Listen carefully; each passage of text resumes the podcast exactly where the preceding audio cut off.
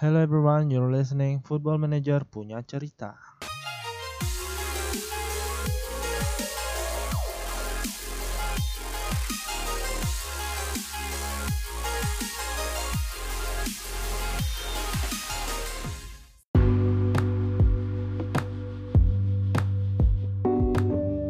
Oke, halo FM lovers. Ah, akhirnya kita ketemu jumpa lagi. Mohon maaf ah, agak telat nih memberikan episode terbaru.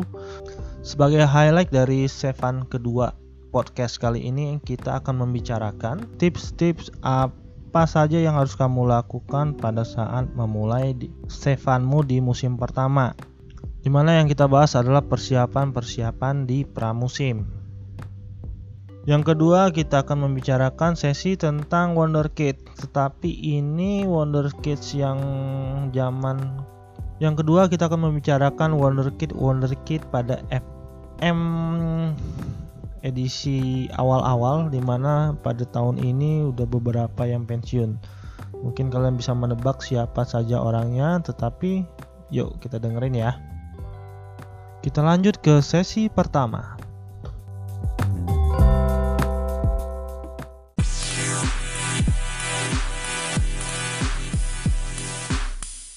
Tips-tips saat kalian memulai season pertama di Seven kalian. Ya, tips yang saya mau bagikan ini nggak akan terlalu detail karena saya yakin keasikan kalian dalam memainkan Football Manager ini adalah saat kalian menyelami hal-hal yang detail seperti membongkar taktik, melatih pemain muda, atau mencari atribut-atribut pemain yang kiranya bakal kalian sorotin untuk ditingkatkan di individual training.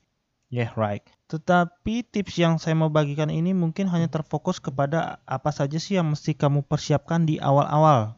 Ada tiga. Yang pertama dari sisi tim, yang kedua dari sisi staff, yang ketiga dari sisi assistant manager. Oke, kita langsung ke ke sisi tim yang akan dibahas. Yang pertama kalian perlu perhatikan adalah satu karena ini adalah season pertama masih pramusim, kalian harus mencoba meningkatkan fisik pemain kalian di mana coba fokus kepada training kalian di sesi-sesi fisik untuk meningkatkan kembali fitness conditionnya. Yang kedua, mungkin kalian akan mencoba mendatangkan pemain-pemain baru di tim kalian yang tentu akan membutuhkan waktu untuk beradaptasi dengan dengan pemain-pemain pada tim kalian yang ada saat ini. Bagaimana cara meningkatkan ini agar lebih cepat beradaptasi? Yang pertama kalian coba fokus training kalian ke cohesion team.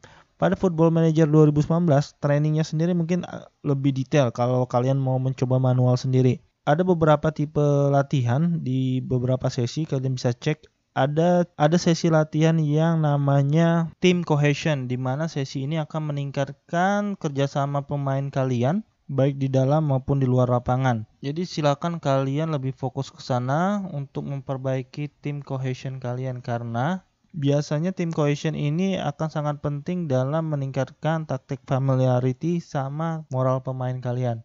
Oke, itu untuk tim. Yang selanjutnya kita akan membahas staff. Pada awal-awal biasanya saya langsung melihat atribut dari staff saya di mana kalau misalnya staff pemain kalian tidak memiliki atribut yang menurut kalian sesuai, misal dia adalah fitness coach tetapi, tetapi fitnessnya sendiri di bawah angka 10, mungkin ada baiknya kalian mencoba untuk mutual termination kalau misalnya kalian baru dan melakukan mutual termination itu 100% akan diterima. Karena di game ini mencoba mengadaptasi dunia nyata. Jadi kalau misalnya ada pergantian manajemen staff yang awalnya berada di manajemen lama akan langsung legowo apabila kalian memberikan penawaran pemutusan kontrak mutual termination. Jadi kalau misalnya kalian telah memecat atau terminate staff yang menurut kalian tidak sesuai dengan bayangan tim pelatih kalian. Selanjutnya tentu adalah meng-hire pelatih-pelatih baru. Jadi dengan mencari pelatih-pelatih baru yang memiliki atribut yang cukup, indikatornya gampang saat kalian melihat di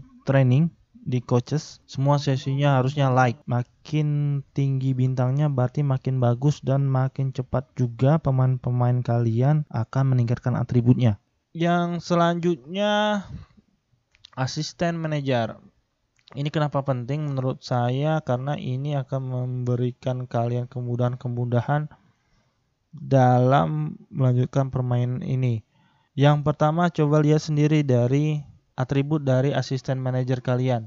Jadi gini, atribut penting untuk asisten manajer itu adalah kalau bagi saya itu ada tactical knowledge, judging player ability dan potensial dan yang terakhir adalah man management. Tetapi bagi saya yang penting itu adalah man management. Kenapa? Karena biasanya saya tuh meminta asisten manager untuk memilih pemain-pemain saat di bagian taktik. Jadi ada kan tuh pick and field position. Dan yang kedua, yang kedua atribut asisten manager yang perlu kalian lihat adalah di tactical knowledge. Kenapa? Jadi kalau misalnya kalian di tengah-tengah pertandingan, asisten pemain yang memiliki uh, tactical knowledge yang baik akan memberikan feedback yang lebih baik banyak pula. Jadi saat tim kalian sedang buntu atau mengalami jadi saat tim kalian tidak berkembang dari sisi taktik dan penyerangan ataupun pertahanan atau apa pun itu, feedback kalian mungkin akan dipenuhi dari asisten manager ini. Terus selanjutnya adalah di staff responsibilities dari asisten manager biasanya saya minta dia untuk manage friendlist. Jadi dia akan mencari lawan untuk friendlist kalian juga bisa. Biasanya sih saya serahkan ke asisten manager sih untuk selanjutnya. Tetapi kalau musim pertama saat kalian ingin bongkar saat kalian ingin trial dan error taktik untuk tim baru kalian ada baiknya sih kalian turun langsung di friendlist Kenapa friendly match itu penting? Jadi, di friendly match sendiri ini sangat berguna untuk menaikkan atribut kalian dari sisi condition dan match fitness. Jadi ada dua nih, condition sama match fitness. Condition itu adalah fisik kalian, tetapi dari sisi match fitness adalah kesiapan pemain kalian dalam dalam turun di dalam pertandingan. Yang kedua akan lebih mudah untuk meningkatkan taktik familiarity, team cohesion dengan moral. Jadi kalau misalnya pemain kalian moralnya sedang tidak bagus amat, cari friendly match dengan pemainnya yang levelnya jauh di bawah kalian. Jadi dengan menang besar, pemain-pemain kalian diharapkan akan tinggi moralnya. Setelah tinggi moralnya baru deh kalian mulai jajal klub-klub yang level dengan kalian atau lebih tinggi. Terserah kalian. Oke, itu tipsnya mungkin kalau kita rekap ada beberapa keyword yang bisa kalian ingat. Yang pertama dari sisi pemain, tingkatkan fisik pemain dan kohesi tim. Yang kedua dari sisi staff, bongkar staff-staff kalian yang atributnya rendah. Cari staff yang atributnya sesuai agar training kalian bintang 5. Tiga dari sisi asisten manajer, cari asisten manajer yang memiliki man management dan tactical knowledge yang tinggi. Karena itu membantu banget. Yang selanjutnya setting asisten manajer kalian untuk arrange friend list. Atau kalian turun sendiri di friend list. Oke itu saja tips untuk FM lovers yang menjalani musim pertama di Seven kalian. Selamat mencoba jika kalian ada mau menambahkan tips-tips untuk musim pertama, silakan sebut di kolom komentar atau mention Twitter gua. Kita lanjut ke sesi berikutnya ya.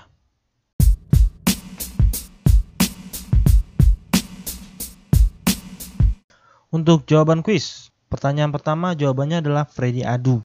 Jadi Freddy Adu ini adalah wonderkid generasi pertama untuk Football Manager edisi pertama, yaitu seperti kita tahu Football Manager pertama itu adalah FM 2005. Freddy Adu pada saat itu merupakan wonderkid dengan umur 15 tahun. Dia adalah pemain dari DC United tetapi karena umurnya masih di bawah 18 tahun, kita bisa sign dia langsung. Jadi kita tidak perlu membayar transfer pada klubnya.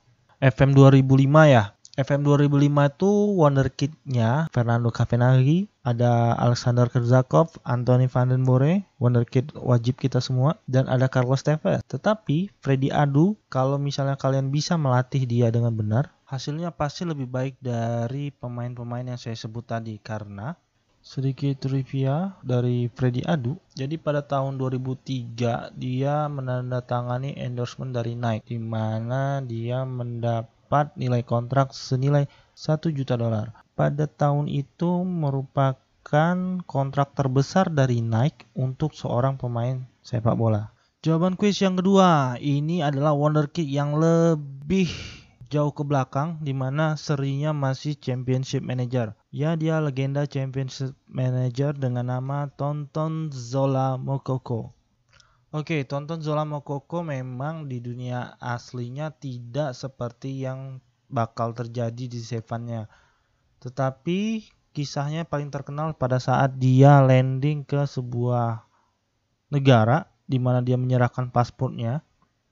Terus yang petugas imigrasinya nanya, Anda nih beneran nih tonton Zola Koko? Ya kalau bahasa Indonesia begitu. Saking terkenalnya dia di game Football Manager slash Championship Manager saat itu.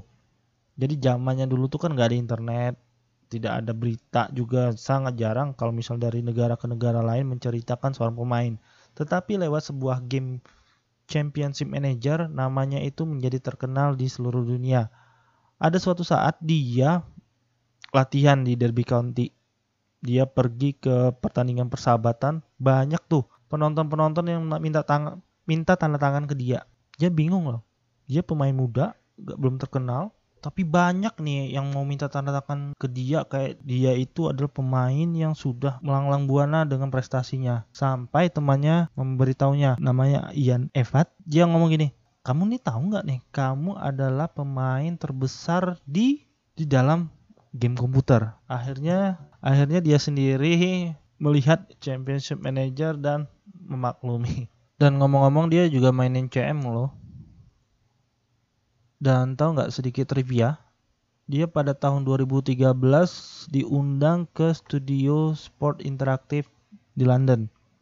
Jadi dia jadi mereka mengadakan semacam pertandingan testimonial di mana Tonton Zola Mokoko ikut bermain dalam permainan sepak bola mini 5 lawan 5. Itu adalah bentuk apresiasi sport interaktif kepada Tonton Zola Mokoko, legenda Championship Manager. Oke, itu jawaban kuis dari episode sebelumnya.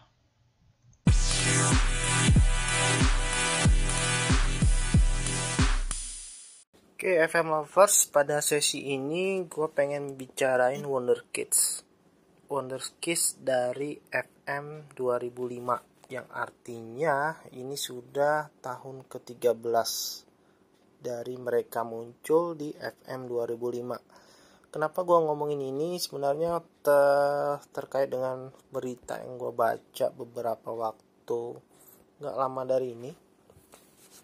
Andre Arsafin pensiun. Gue ingat pada zaman gue getol-getolnya main football manager Andre Arsafin ini yang selalu gue incar. Kalau nggak salah lupa gue dia satu angkatan dengan Andre Arsafin dengan siapa nama kipernya itu ya?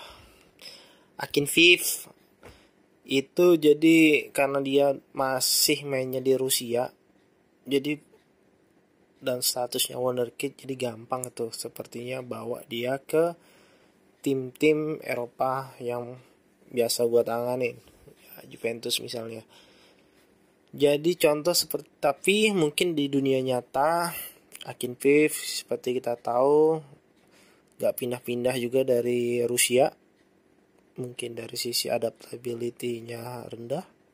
Jadi dia nggak atau tingkat loyalitasnya ke klubnya sekarang itu sangat tinggi.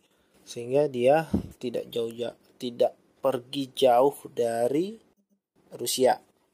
Balah, jadi gue pikir nih, jadi sepertinya sudah banyak nih wonderkid wonderkid yang gue kenal dulu. Ini mungkin jebakan umur juga. Wonderkid wonderkid yang gue kenal dulu yang sekarang sudah pensiun.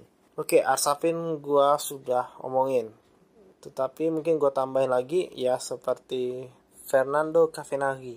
Jadi dia ini kalau kalian ingat dia ini termasuk uh, striker wonderkid yang digadang-gadang sebagai the next Gabriel Batistuta, tipikal nomor 9 banget deh. Dan dia akhirnya pensiun udah lama sih sebenarnya pensiun di pada umur 33 tahun. 2 tahun yang lalu. Terus kalau kalian ingat ada Valery Boyinov. Ini wonderkid paling tinggi karena singkat gue tuh dari FM 2005 sampai 2008 atau 2009 namanya itu pasti selalu muncul di The Lives Wonderkid karena memang sepertinya dia itu tipikal tuh sama tuh kayak Dimitar Berbatov. Jadi betul-betul tipikal penyerang ujung serangan yang kuat cepat dia udah main pernah main di Manchester City dan Juventus.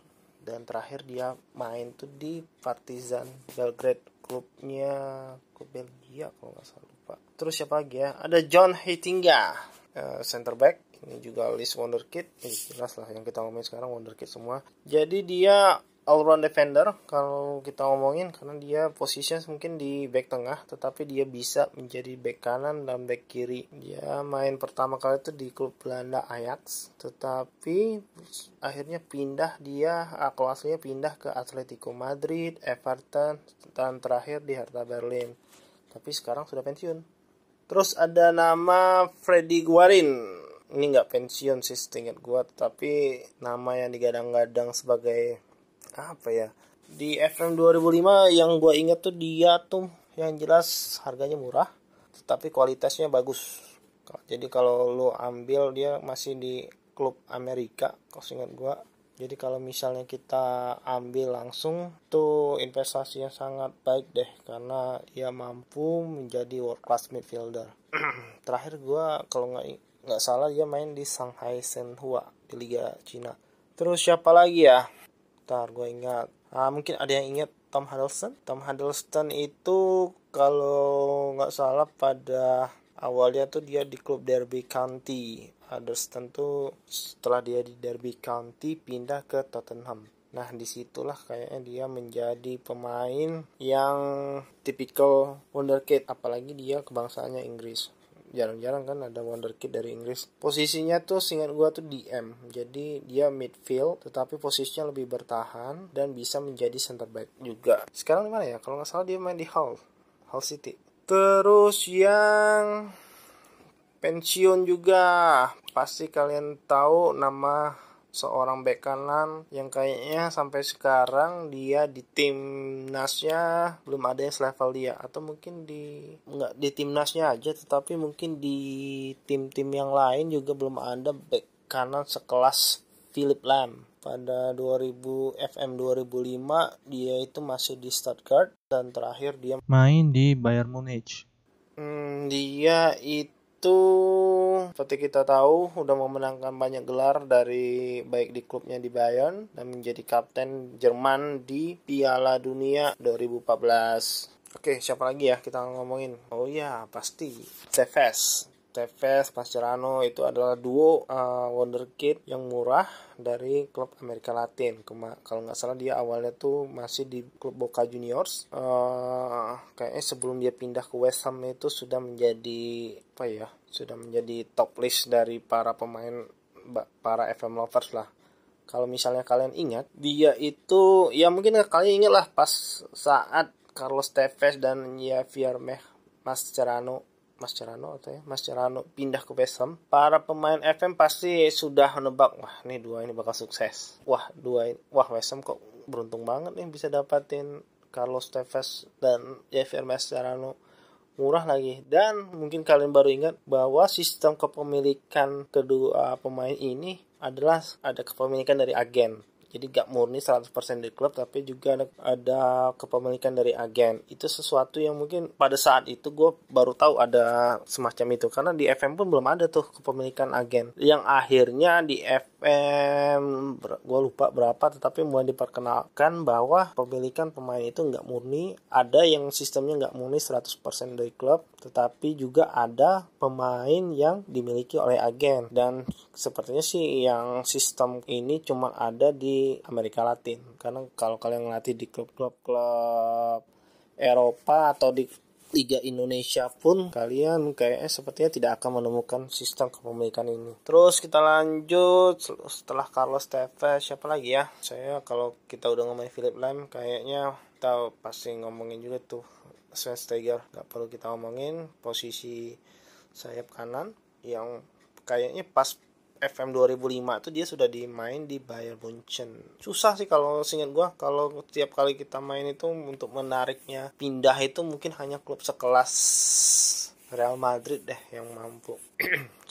Vermes Mascherano udah kita omongin. Terus ada uh, Fernando Torres, Fernando Torres striker dari Atletico Madrid. 2005 di striker jadi Atletico Madrid yang seperti kita tahu klub terakhirnya sekarang kayak dia udah pensiun ya? Lupa gua. Coba gua google dulu ya. Fernando Torres. Gua sebenarnya nggak terlalu ngefans ke Fernando Torres di dunia aslinya tetapi yang pasti gua ingat adalah golnya ke gawang Barcelona pada saat untuk membawa Chelsea uh, itu nggak tahu perempat final, perdelapan final atau udah semifinal ya. Jadi saat itu di mana Chelsea mau mengalahkan Barcelona dan dulu tuh pas singkat gue pas dunia nyata ya. Ini ngomongin dunia nyata. Fernando Torres di Chelsea itu nggak bagus-bagus amat nih pasti jadi pas dia singkat gua tuh pas lawan Barcelona itu pas itu emang menit-menit terakhir. Tapi pas dia mendapat bola tuh gua masih 50-50 nih dia ngegolin. Karena kita tahu pada zaman itu Fernando Torres nggak sebaik nggak sebaik yang kita harapkan. Sekarang Fernando Torres main di klub Liga Jepang gimana ya dia itu mungkin main di media Jepang kalau nggak salah aku lupa nih yang karena ngefans Kapten Subasa tuh apakah Fernando Torres termasuk selain dari Iniesta? Kita lanjut ke wonderkid lainnya ya. Wonderkid selanjutnya siapa ya? Siapa ya? Gue udah lupa nih. Hmm, ada yang ingat Montolivo? Oke, Montolivo itu kalau mau ya kita ngomongin dulu lah. Montolivo pemain pemainnya waktu itu di Atalanta. Jadi pas event 2005 itu kalau kalian mencari wonderkid eh, pemain wonderkid Italia dan bakal menjadi pemain world class midfielder ya Ricardo Montolivo adalah jawabannya. Jadi pas event 2005 masih di Atalanta ya di mana satu tahun setelahnya kalau kalian udah main di FM 2006 dia sudah pindah ke Fiorentina. Di Fiorentina inilah dia mulai naikin namanya. Jadi dari Wonderkid menjadi pemain matang dan mungkin puncaknya itu pas dia menjadi pemain Milan. Dia kayaknya pas di Milan itu memainkan fungsi Pirlo role yang kayaknya sukses-sukses saja karena waktu itu dia saya lupa ya prestasinya pas dia di Milan apa. Dia Montolivo gabung pada tahun 2012.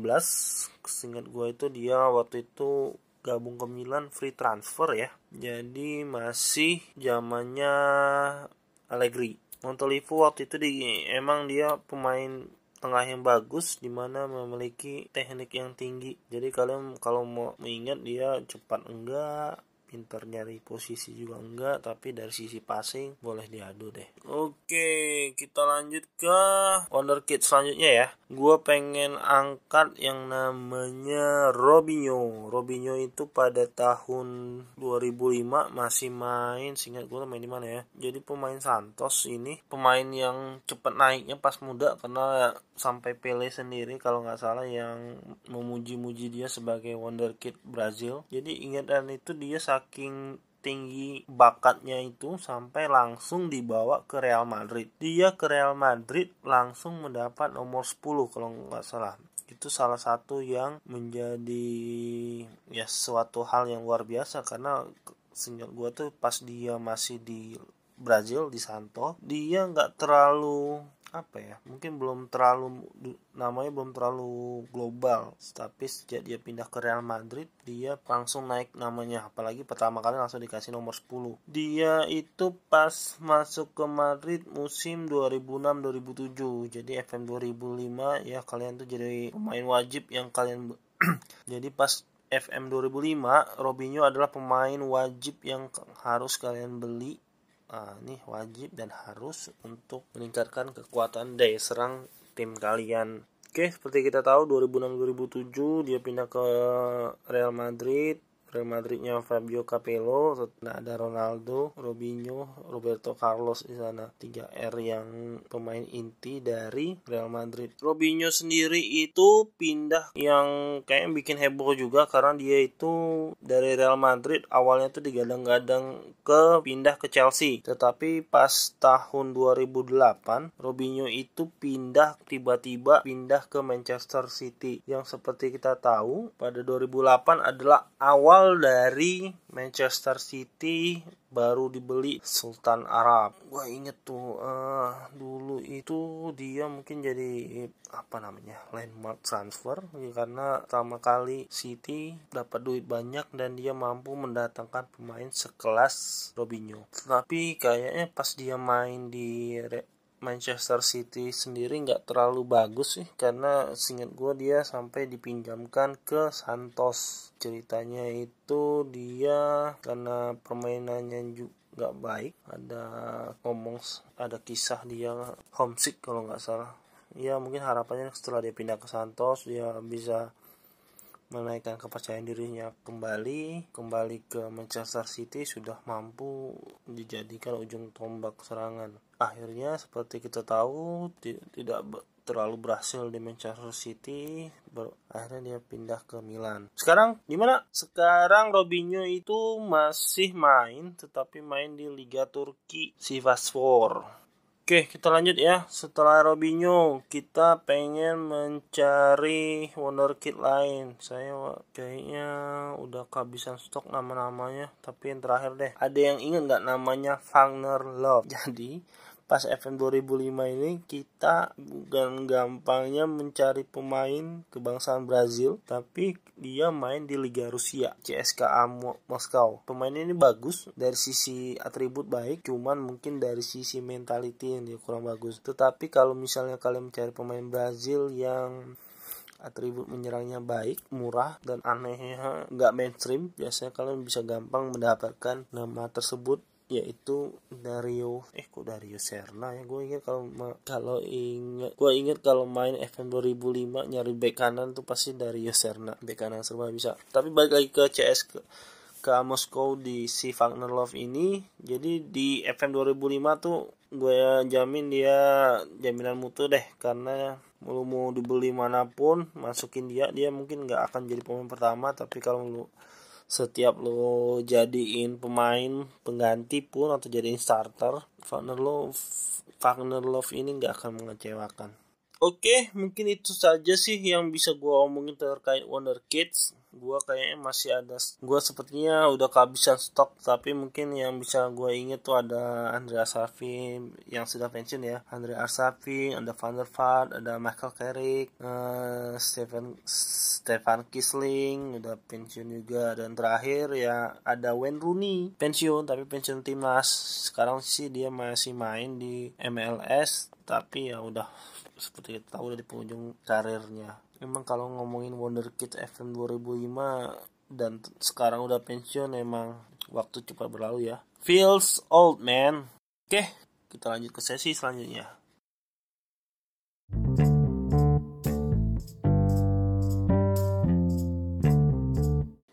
pada minggu kali ini di komunitas IDFM jadi kalau bila kalian pengen gabung komunitas IDFM kita ada namanya Facebook group. Cari aja di Football Manager Indonesia IDFM India Delta Fanta Mama di mana ini adalah komunitas pemain football manager terbesar di Indonesia. Jamin deh karena anggotanya sih 17 ribuan udah. Eh hampir 17 ribu. Jadi cepet deh kalian gabung biar cepet kita 17 ribu ya.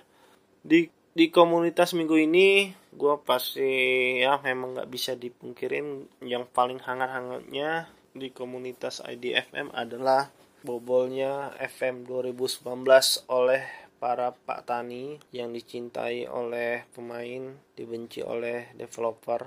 Gua gua nggak akan ngomongin masalah bajakan versus original ya karena nggak akan habis-habisnya tetapi gue pengen ngasih appreciate setinggi tingginya kepada ada ada yang ngepost yaitu mungkin FM Lovers dengan nama Ferry Kusnadi di mana dia menunjukkan jadi Ferry Kusnadi ini pas kayaknya udah tiga bulan atau empat bulan yang lalu dia udah ngepost beberapa kali terkait usahanya menabung di Steam Wallet dalam rangka untuk membeli Football Manager 2019 original. Dan pada dan pada tanggal 10 November dia ngepost lagi akhirnya dia sudah membeli original game FM 2019 gue appreciate setinggi tingginya karena dia beneran nih dia ngupdate bahwa dia nabung Steam Wallet. Jadi kita sama-sama kayak sama-sama tahu nih kalau dia nambah Steam Walletnya itu berapa. Dan akhirnya kebeli juga Football Manager Ori. Jadi kalian bisa sih beli Football Manager Ori kalau niat.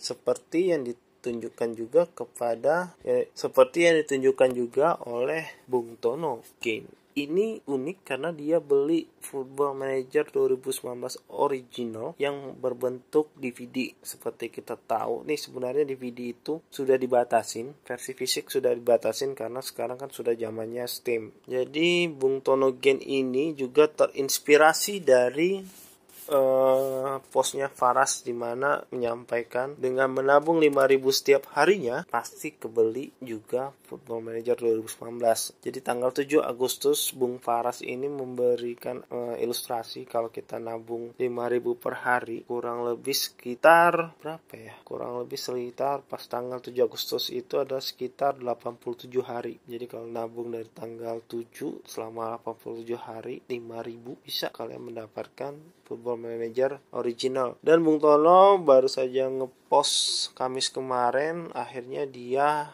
datengin juga tuh Football Manager 2019 fisik. Kalau kalian pengen juga beli fisik uh, ini dia sebut tokonya adalah Draculi Draculi ini toko game di STC harganya 480.000 di mana isi paket box ada satu keping DVD satu browser War Child dan satu keycode. War Child ini semacam yayasan Watcher adalah semacam yayasan non-profit untuk membantu anak-anak korban perang. Jadi kalau kalian beli versi ori uh, setiap 10 10 apa ya? 10 ribu ya mungkin ya. Karena harganya juga disumbangkan ke anak korban perang di seluruh dunia via Yayasan World ini salut kepada kalian berdua yang sudah membeli Football Manager Ori dengan caranya masing-masing, dengan usahanya masing-masing, dan mungkin harapannya ini bisa menginspirasi teman-teman lain yang untuk membeli ori game original. Karena ini salah satu kita mengapresiasi developer game yang kita cintai, di mana pada kasus ini adalah Football Manager ada satu lagi uh, yang menarik posting dari Bung Kaidar Ali. Jadi dia bikin post nih dia buka thread ke seluruh member IDFM di mana silakan kalian tulis di kolom komentar siapa yang mau request untuk dibikinin klub buat database FM 2019 jadi dia tuh kayak mau bikin klub kalian tinggal buat di kolom komentar nama klub nicknamenya apa asal daerahnya apa warna klubnya apa warna dominan klubnya apa warna kedua klubnya apa. Nanti akan nanti rencananya akan ada klub-klub di klub-klub custom yang dari komentar-komentar member ter ini. Terus masuk dia akan terus klub-klub custom ini akan dimasukkan ke divisi 5 nah kan menarik juga tuh. Ada tim dengan nama-nama unik sih kalau gue lihat. Ada namanya Mukaimi Mukalbi United SS Purna Praja oke. Okay. kayaknya sangat sangat uh, familiar nama ini Bojonegoro FC, ada Persiga, ada Borneo Bontang City, ada Binjai Dinasti, ada Galuh FC, terus ada Junior Jatinangor, PSTS Tanjung Pinang, ada YWB Team, US Band, oke, okay, jadi terus ada Tangerang SV, ya bisa kalian tambahin tuh buruan karena dia hanya membuka posting ini sampai tanggal 18 November. Artinya sekarang hari Jumat malam saat tulisan ini eh saat tulisan saat podcast ini direkam jam 12 malam sudah masuk tanggal 17 sih jadi besok udah hari ini atau bes besok udah terakhir itu. Yuk gabung. Postingan Bung Haidar ini jadi ngingetin gue pada saat FM berapa ya? FM 10 mungkin ya. Jadi zamannya Gustaf zamannya masih di Kaskus atau di Twitter gue lupa jadi dia akan meminta custom juga nih tapi customnya pemain. Jadi siapa yang mau namanya dimasuk jadi Bung Gustaf seingat gue dia mau buat klub. Klub ini berisi nama-nama berisi pemain-pemain baru editan. Jadi kita masukin nama kalau nggak salah nama masukin foto juga. Jadi foto itu akan masuk akan diedit biar jadi uh, jadi salah satu flashback yang bisa kalian mainkan. Jadi kalau klub ini main nama-nama pemainnya muncul udah ada foto-foto pemain ada foto-foto FM Lovers yang ikutan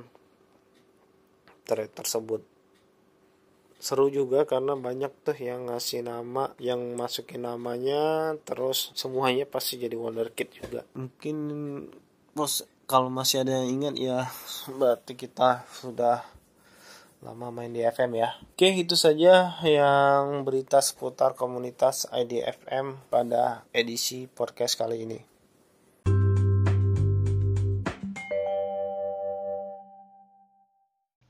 Sudah di penghujung podcast. Terima kasih pada kalian yang udah mendengarkan podcast ini. Sorry lama terbitnya, ada delay satu minggu karena kesibukan di dunia nyata. Karena gue bilang kenapa gue bilang di dunia nyata ya memang pada gue kan sekarang kerja ya. Jadi pada bulan-bulan ini seperti biasa kita emang disibukkan mensubmit rencana kerja anggaran biaya ke pemerintah. Jadi satu tim ini dalam satu minggu fokus semua untuk mengerjain laporan tersebut. Jadi mohon maaf podcast kali ini telat tapi mudah-mudahan karena minggu kemarin itu sudah ya puncak-puncaknya sudah selesai mudah-mudahan podcast selanjutnya nggak terlambat lagi.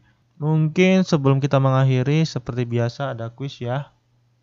Hmm, quiznya kita ngomongin ya kita ngomongin wonderkid lagi deh. Oke, ini dia clue-nya. Clue pertama dia termasuk wonderkid yang flop. Clue kedua nationality-nya Gambia. Clue ketiga flop tapi juga termasuk legenda dari Football Manager atau dulu disebut Championship Manager. Oh ya, dia ini adalah wonderkid pada Championship Manager 2001-2002. Dia termasuk Clue selanjutnya dia main awal-awal tersebut dia main di klub Bill Walls Academy. Clue selanjutnya, saking dia terkenalnya, saking terkenal gosipnya ini bahwa dia pemain yang memiliki bakat sangat luar biasa, sampai-sampai ada gosip kalau Michael Owen menelponnya langsung untuk me, untuk mengajaknya bergabung ke Liverpool. Dan beneran, dia ditawarkan nilai uh, ditawarkan transfer senilai 2 juta pound sterling yang saat itu sangat banyak tetapi sayangnya ditolak. Clue terakhir inisialnya CS. Gampang ya. Oke, kalau gitu itu saja quiz kali ini. Terima kasih udah mendengarin podcast. Kalau ada saran, pertanyaan silahkan mention gua di Twitter at artupoke atau di kolom mention komentar. Oke, okay, bye-bye.